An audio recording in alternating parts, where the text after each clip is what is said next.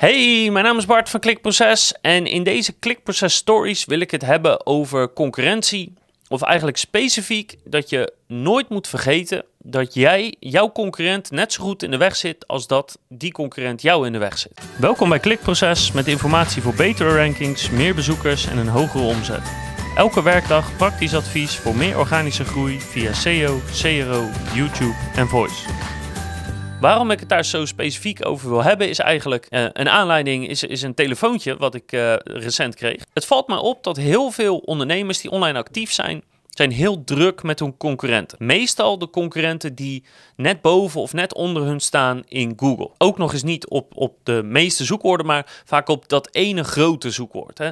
Daar zijn bedrijven, directeuren, marketingmanagers heel erg druk mee bezig. En wat daarbij heel vaak ontstaat, is zo'n gevoel van: weet je, die ene concurrent, die zit mij gruwelijk in de weg. Als die ene concurrent weg zou zijn, dan zou dat zo fijn zijn. Of als ik die zou kunnen kopen. Of, nou ja, ze zijn heel erg bezig met die ene, of soms met, met twee of drie specifieke concurrenten waar ze zich heel druk om maken. En dan maken ze zich heel druk om, terwijl die soms dus niet eens boven hun staat in Google. Soms staat hij gewoon eronder, maar zijn ze nog steeds heel mee bezig. Dat resulteert vaak, of dat escaleert vaak in niet alleen bezig zijn met die Google ranking, maar ook met wat is die concurrent aan het doen? Hoe ziet zijn website eruit? Wat verandert die?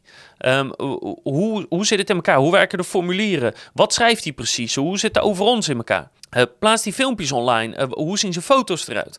Gewoon van, van grote strategische dingen, zoals uh, hoe, hoe werkt de website en op welke zoekwoorden scoort hij, tot aan hele specifiek van, oh, hij heeft een USP veranderd van, uh, van voor 10 uur besteld naar voor 11 uur besteld de volgende dag in huis. En ik vind dat altijd zo, zo raar, zo gek. Want één, zeg maar, alles wat die concurrent wijzigt of verandert, dat wordt vaak op een gouden uh, schaaltje gelegd alsof dat slim is. Terwijl je geen flauw idee hebt wat het resultaat is van die veranderingen. Je hebt geen inzicht in de, in de ordersaantallen of de bedragen of de aantal leads wat die site genereert. Dus eigenlijk weet je niks. Het enige wat je doet is die voorkant vergelijken met jouw voorkant of nog slechter met jouw achterkant.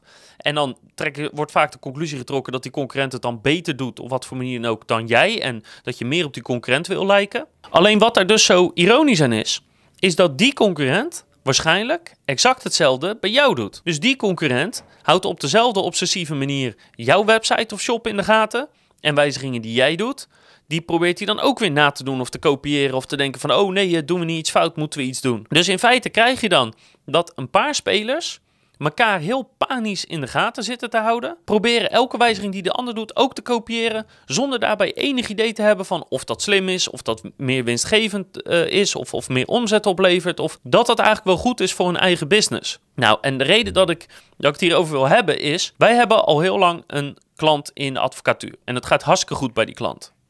Maar die klant heeft dus precies hetzelfde. En elk gesprek wat we hebben, starten we altijd gewoon over de website van de klant. Daar willen wij het graag over hebben.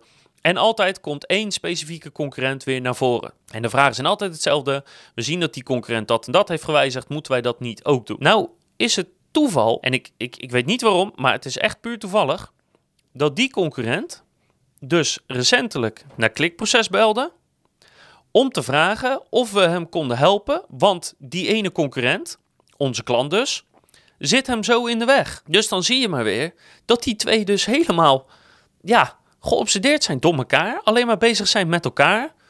Terwijl dat helemaal niet het slimste is om te doen. Nou, uiteraard heb ik die klant niet aangenomen, want ja, je kan maar één klant in de zoekresultaten aannemen. Als ik meerdere klanten in dezelfde, uh, voor dezelfde zoekwoorden aanneem, dan ja, zit ik tegen mezelf te vechten. Dat lijkt me niet uh, handig. Maar het was voor mij weer het bewijs ook al is het anekdotisch, ook al is het maar eenmalig, dat al die concurrenten op dezelfde manier met elkaar bezig zijn. En dat dus eigenlijk niemand, uh, in, de, in de meeste branches in elk geval, echt een idee heeft waar die mee bezig is.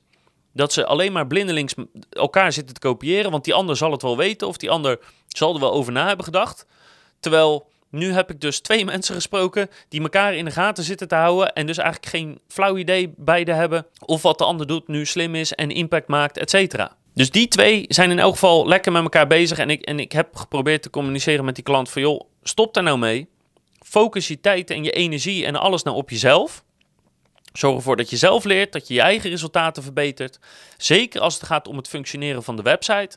Conversietechnisch, wat op de ene website werkt, hoeft zeker niet op de andere website te werken.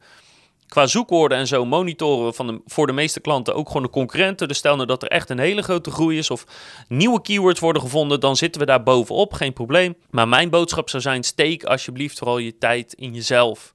Investeer in jezelf, in je eigen website, in je eigen mensen. En maak je niet te druk om die concurrenten. Want die concurrent weet helemaal niet zo goed waar hij mee bezig is als dat jij denkt. Ja, dat gevoel kan wel eens ontstaan dat jij eh, geen, geen idee hebt of niet goed gaat of niet snel genoeg gaat. En de concurrent weet precies waar hij mee bezig is. Weet dus dat die concurrent met precies hetzelfde gedachte naar jou zit te kijken.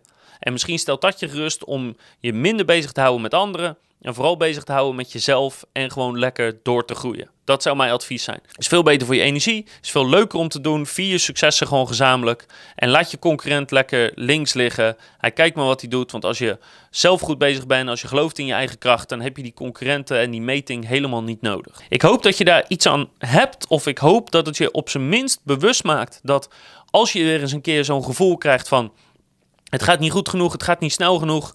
Uh, iedereen doet het beter dan ik. Weet dan dat op dat moment iemand anders in een ander kantoor om precies dezelfde reactie krijgt, maar dan op basis van jouw website of shop. Dus weet dat je niet alleen bent. Het gebeurt iedereen wel eens, maar probeer het vooral onder controle te houden en lekker verder te gaan met jezelf. Ik hoop dat je de volgende keer weer kijkt, luistert of leest, want dan heb ik nog veel meer klikproces stories van dingen die mij of klikproces bezighouden. En ik heb natuurlijk nog veel meer advies op het gebied van SEO, YouTube voice en conversieoptimalisatie.